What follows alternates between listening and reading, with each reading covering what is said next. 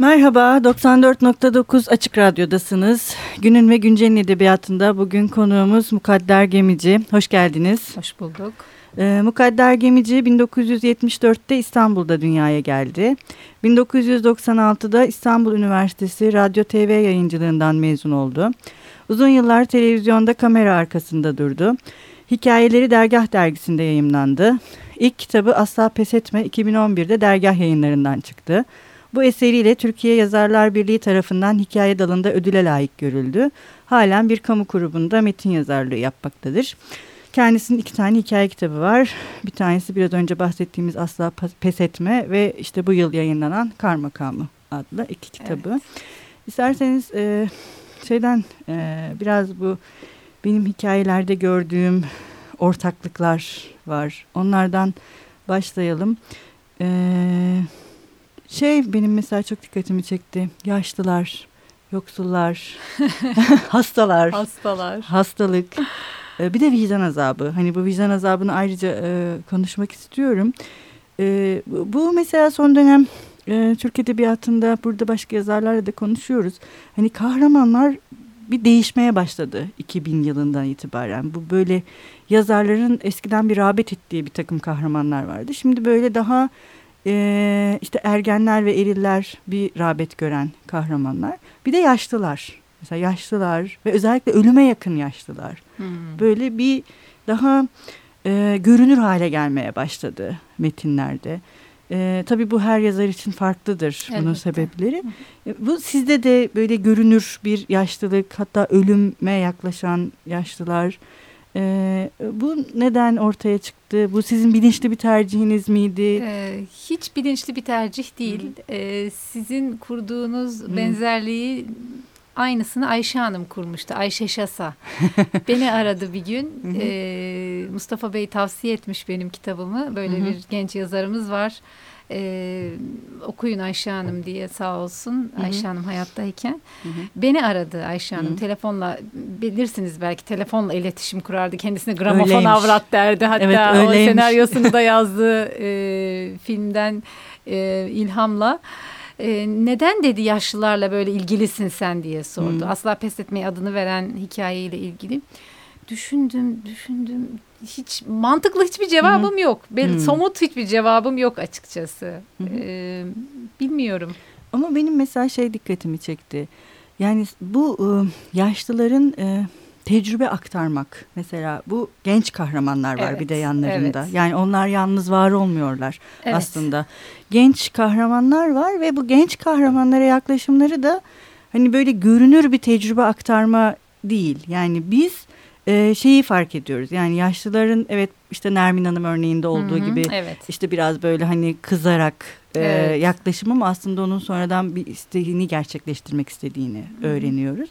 Yani yaşlıların gençlere olan tavrında e, bir anlama durumu da var. Yani Hı -hı. bir iletişim kurma ama bu iletişim kurmada hiyerarşik bir şeyden çok hani bir tecrübenin aktarımını paylaşmak. Yani evet. o, o şekilde bir ilişkilendirme var Hı. ve bu benim mesela çok e, ayrıca ayırt edici buldum sizin eserlerinizde. Hı. Hani o bahsettiğimiz hani yaşlı ve ölüme yakın kahramanların. Evet, yani onlar gençlerle birlikte var olurken böyle bir tepeden tepeden konuşup konuşmuyorlar yani. Evet, bir şeyi aktarmaya anladım. ve Hı bu eşit bir ilişki. E, bu mesela benim hoşuma da gitti açıkçası. Çünkü hiçbirimiz kendi hayatımızda da hoşlandığımız da bir şey değil bu. Evet çok sevmeyiz büyüklerimizin evet. bıdı bıdı etmesini. Ha, yani bunu bilinçli olarak mı kurguladınız? Ee, Yok hiçbir zaman bilinçli olarak kurgulamadım ama yakınlarda bir hikayeyle e, didişirken, didişiriz biliyorsunuz, e, uğraşırız, çok yoruluruz yazarken. Orada bir hikayede işte artık birilerinin bir şey söylemesi gerekiyor e, kime söyleteyim diye hani o hmm. var olan karakterler üzerinde bir e, jimnastik yapıyorum.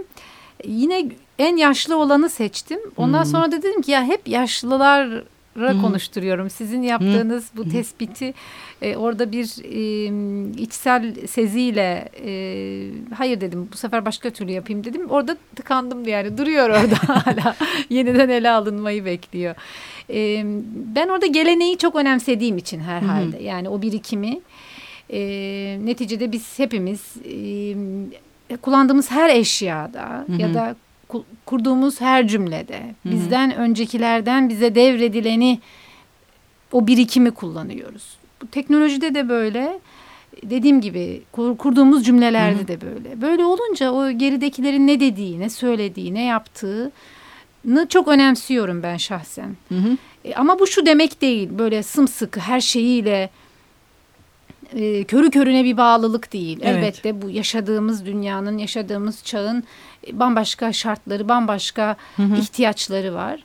Ona göre şekil değiştirerek hı hı. E, akla, mantığa, vicdana, kalbe uyan bir değişim geçirerek hı hı. bize geçmesi ve bizim bunu sonraya taşımamız. Hı hı.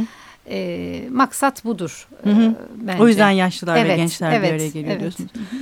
Belki burada şeyden devam edebiliriz. Bu e, ölüme yaklaşan hastalar. Hı hı. Yani bunların da e, e, bir tabii çocuklar da var. Bu o çok trajik bir hikaye. Ondan da bahsederiz. Hı, evet. E, bu ölümün de e, ya da ölüme yaklaşıyor olmalarının da e, bununla mı bir ilişkisi var? Yani artık onların görevi tamamlanıyor hani gençlerle birlikte durduklarında bu aktarım var ve hani bir nevi vazife gibi. Yaklaşıyor olmaları belki kurguyu birazcık daha E, etkin kılmak, daha kurgu etkisini etkin kılmak için. Yani orada hani o sonu görmek okuyucu açısından yani ölüm hepimizin gideceği bir sondur neticede. Ee, orada o finale doğru yaklaşmak ve oradaki bir hesaplaşma diyelim Hı -hı. ya da oradaki bir e, karşılıklı konuşma, Hı -hı. E, defterlerin açılması filan. E, e, bu tabii bir yazar için çok mümbit bir yer. Hı hı. O alan, o dönem, hı hı. E, o evre. E, oradan da istifade ediyormuşum sizin. bir de şey de var mesela o sona yaklaşmakta o dediğiniz şey kendine dönek dönük hani hesaplaşma kendiyle de bir konuşma. Tabii tabii. Ve e, kişi en çok kendiyle konuşurken acımasızdır aslında bence. Gerçekçiyse eğer. Gerçekçiyse eğer ama orada sanki gerçekçi olmaktan başka çaresi yokmuş gibi geliyor. Ben hep şunu söylerim. Firavun başını yastığa koyduğunda vicdanı aslında ona söylüyordu. Hı -hı. Yani konuşuyordu. Hepimizin bir vicdanı Hı -hı. var. Hı -hı.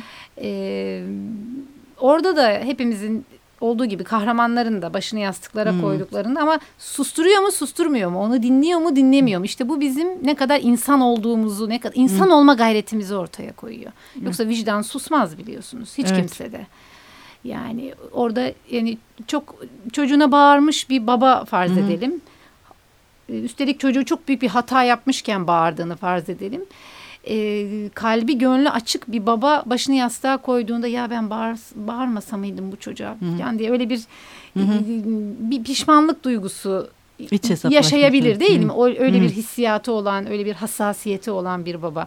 Fakat gaddar bir baba çocuğunu burnunu kanatana kadar dövse başını yastığa koyduğunda o, o cılız, o vicdan sesini duymaz ve muhtemelen horuldayarak uykuya dalabilir. Evet, işte zalimlik. Yani, Dalim olmak böyle bir şey. Evet maalesef. Ee, şimdi biraz da bu siz de bahsettiğiniz vicdan azabı. Bu da yine sizin hikayelerinizde çok görünür. Ee, özellikle ilk kitabınızda Asla Pes Etme'de hı hı. daha çok görünür. Ama e, kar makamında bu biraz daha form değiştiriyor. Yine bir vicdan azabı var ama biraz daha e, ne diyeyim e, adalet adalet duygusunun e, öne çıktığı bir şeye e, dönüşüyor.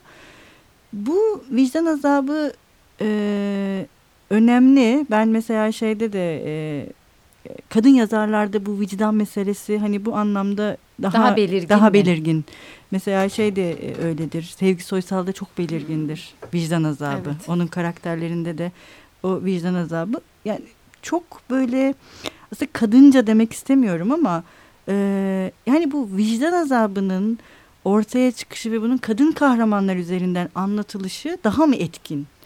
Yani, yani bunu hem bir okur olarak soruyorum. Biraz yani sizin kendi burada okuma. belki modern hmm. bilimden, o çağımızın biliminden hmm. istifade edebiliriz. Mesela e, pedagoglar, psikologlar, psikiyatristlerin bugün hepsinin bir ortak e, fikir oldukları bir durum var. Yani kadın dünyasının, kadın duyarlılığının e, fazlalığı konusunda, çokluğu konusunda bir ortak fikirleri var küçük bir deney anlatayım ben size. E, fotoğraflar gösteriyorlar hı hı. E, deneklere. Kadın erkek hı hı. E, farklı yaş gruplarından ya da işte aynı yaş gruplarından. E, araya e, acı çeken insan hayvan görüntüleri koyuyorlar. Hı hı bilimsel bir deney. İşte kafaya beyne kablolar hmm. bağlıyorlar. Nere, hani beynin hmm. hangi bölümleri çalışıyor diye. Benim çok ilgimi çekmişti bu deney.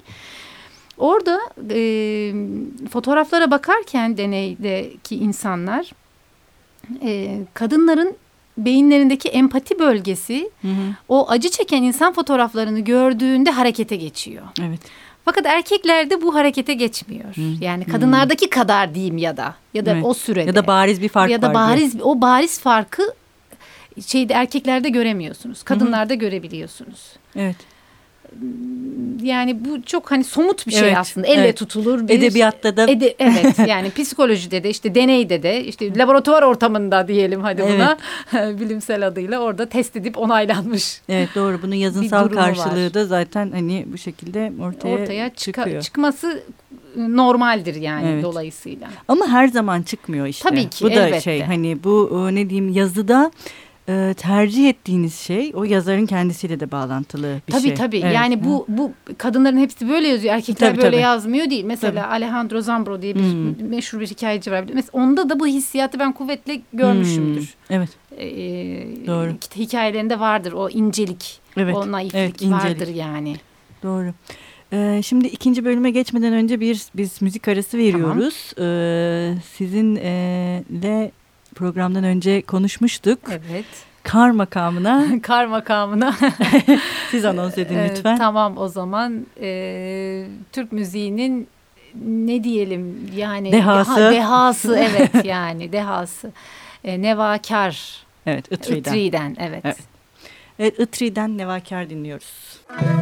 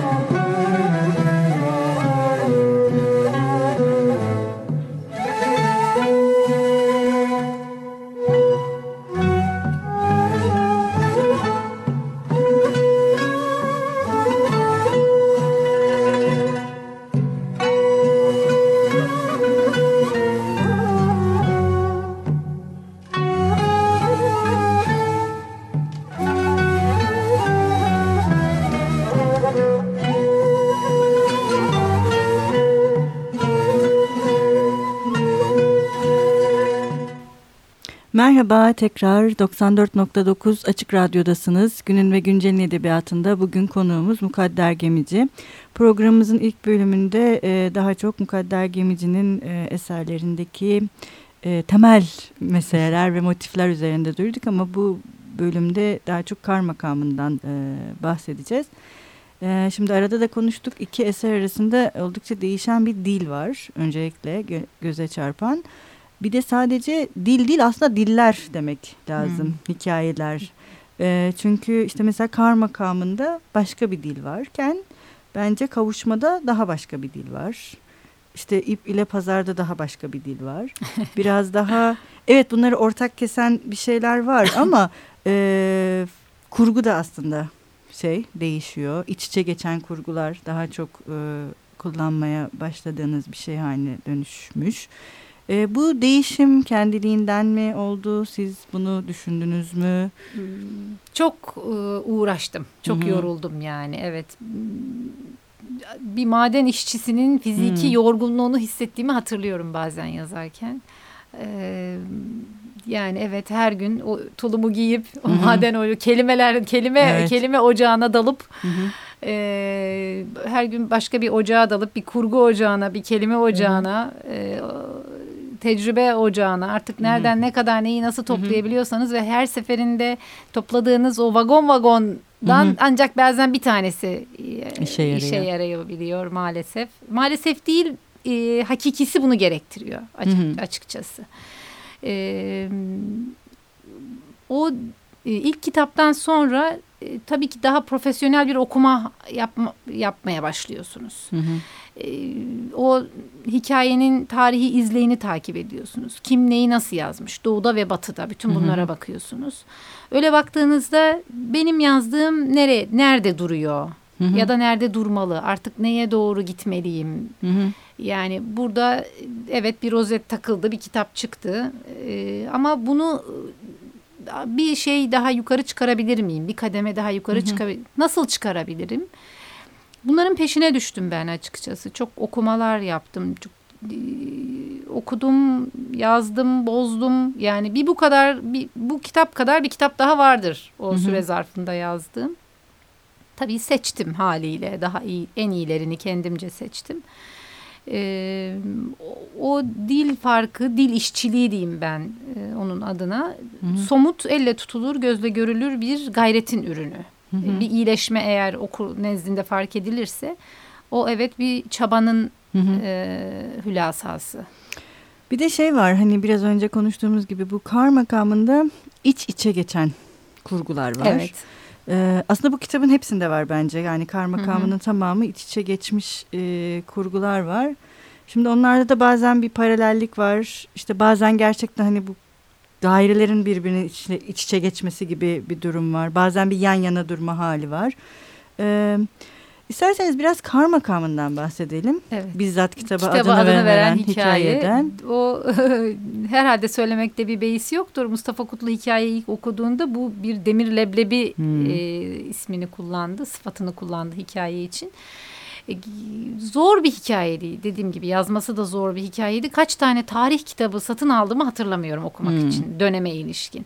E, şimdi evet söylemek de icap eder. Kar makamı Itri'nin o bizim bildiğimiz e, Yahya Kemal'in saltanatlı tekbir olarak adlandırdığı işte kurban bayramları sabahlarında bütün sokaklarda dinlediğimiz, duyduğumuz o tekbiri acaba nasıl besteledi dedim hı hı. ben. Çocukluğumdan beri çok etkilenmişimdir hı hı. E, onun müziğinden. Segah makamıdır. Hı hı. Kar makamı diye bahsettiğimiz şey aslında segah makamıdır. Evet.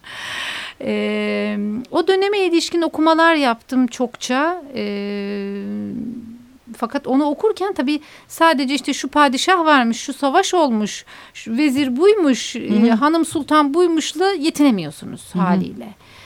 E, ne zaman tabii ki tam tarih olarak zaten belli değil ne zaman bestelendiği. Bir şey yaptım. O zaman Edirne Sarayı'nda çokça ikamet ediyor 5. Mehmet. Avcı Mehmet olarak hı hı. bilinen padişah. Edirne Sarayı'nın şeylerini çıkardım. Kendim çizdim böyle Hı. bir kağıda. İşte Itri'nin hayat hikayesini kaç tane padişaha denk gelmiş onların böyle Hı. kronolojisini ilkokulda tahtada durur ya sınıfın arkasında o tarih öncesi çağlar vesaire. Hı. Öyle bir kronoloji yaptım. Nereye hangi tarihe nereye hayatının hangi dönemine hangi bildiğimiz o vakalar denk geliyor filan ona baktım. Epey bir süre bunlarla uğraştım. Hı. En sonunda kar makamı çıktı. Tabii onun dışında işte kıyafetlere dair bir okuma yapıyorsunuz Hı -hı. yeri geliyor. Hı -hı. İşte saraydaki yaşam biçimine Hı -hı. dair, Enderun'a dair, harem hayatına Hı -hı. dair, Hı -hı. E, işte o zamanın ekabirine dair, yaşayışına dair, pazarına dair, evet. her şeyine dair çokça e, okuma yaptım. Bir daha tövbe ettim yani. Yeter. Peki dilde mesela form olarak müzik ee, bununla ilgili bir çalışmanız oldu mu hikayeyi yazarken? Yani e, hikayenin dilinde de bir müzik formunu kullanmak hmm. ya da buna dair bir işte çağrışım yaratmak. Hmm. Eğer öyle bir çağrışım hmm. Çünkü ben öyle düşündüm mesela. Yok eğer ha. öyle bir çağrışım yapabiliyorsam ne mutlu bana.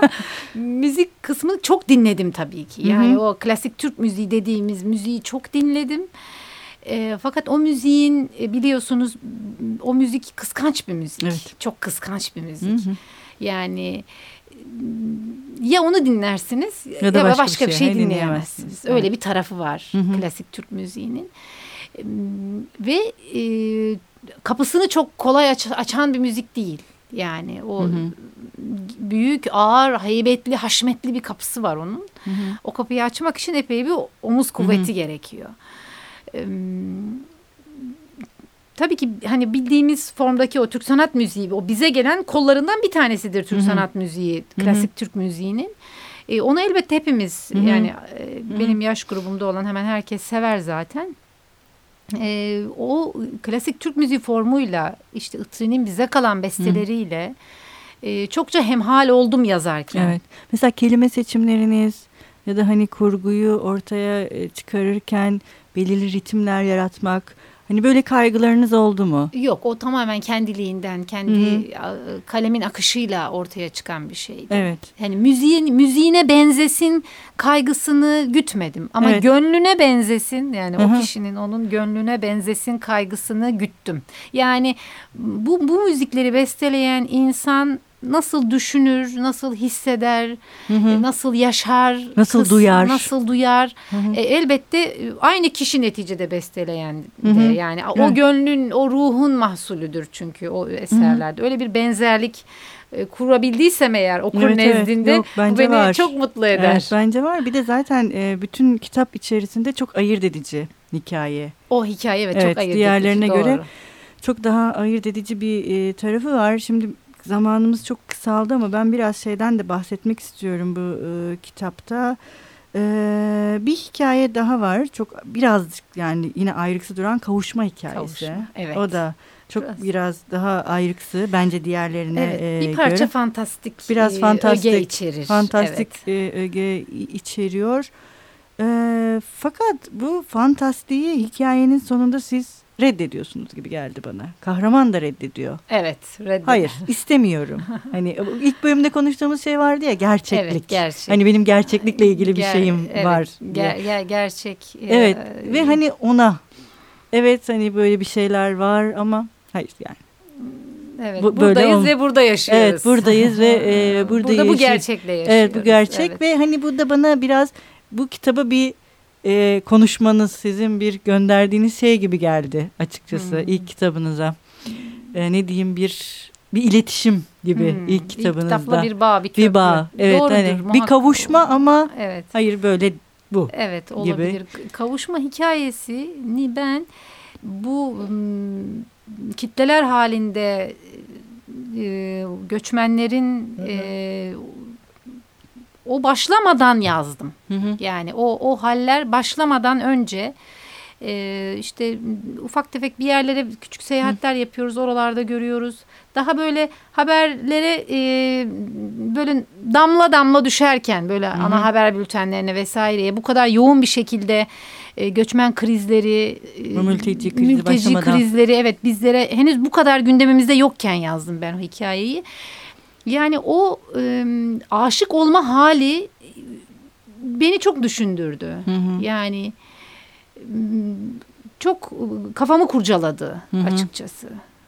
Onun üzerine yazmaya başladım o hikayeyi.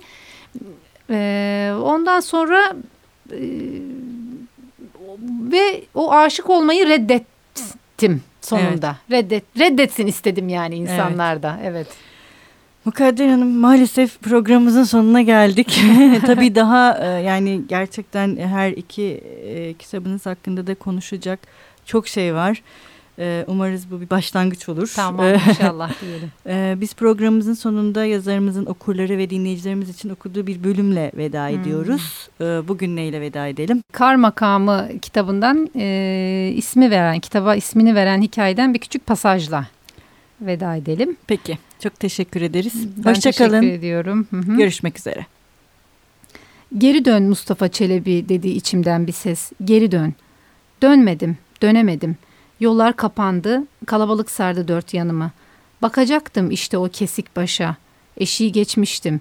Damarlarımda akan kanın sesini duyuyordum artık. Hızla sürükleniyor, yüksek bir yerden akıp bütün sesleri yok ediyordu. Yağan karın, göğün sesi gitti önce.''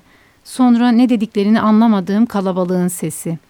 Ardımdan da içimdeki bütün musiki. O kan sesi bütün sesleri, bütün alemi derin bir zevkle kendi rengine boyadı. Kıpkırmızı. Kan hazzını daha o kesik başı görmeden yaşadım. Sanki cellat değil de ben ayırmıştım gövdesinden o başı. İlk ben görmüştüm yerdeki ılık kan gölcüğünü. Dur Mustafa Çelebi, dur. Dehşetle kendimi gördüm. Kar altında dinlediğim, söylediğim musikiyi zayi ettim. Karşımda ne muhsin bir hanende, ne dilinden hu düşmeyen bir mevlevi, ne de selim bakışlı bir muallim vardı. Nereye kaybolmuştu övgüleri bile işitmeyen, acizliğini bilen, toprağı avuçlayan adam. Elinden, dilinden kan damlayan biri vardı içimde. Kimdi bu adam? Daha karşı karşıya gelmeden kanlı başla, ya da göz ucuyla bile bakmadan ona öldürmeden zevk alan Ademoğlu kimsin sen? Nedametten yere kapanacaktım neredeyse. Dizlerim titredi, gözlerim doldu. Görmediğim kesik başa, ona bakan gözleri taşıyan başlara sırtımı döndüm. Gerisin geri yürüdüm. Kabil'in kim olduğunu görmüştüm.''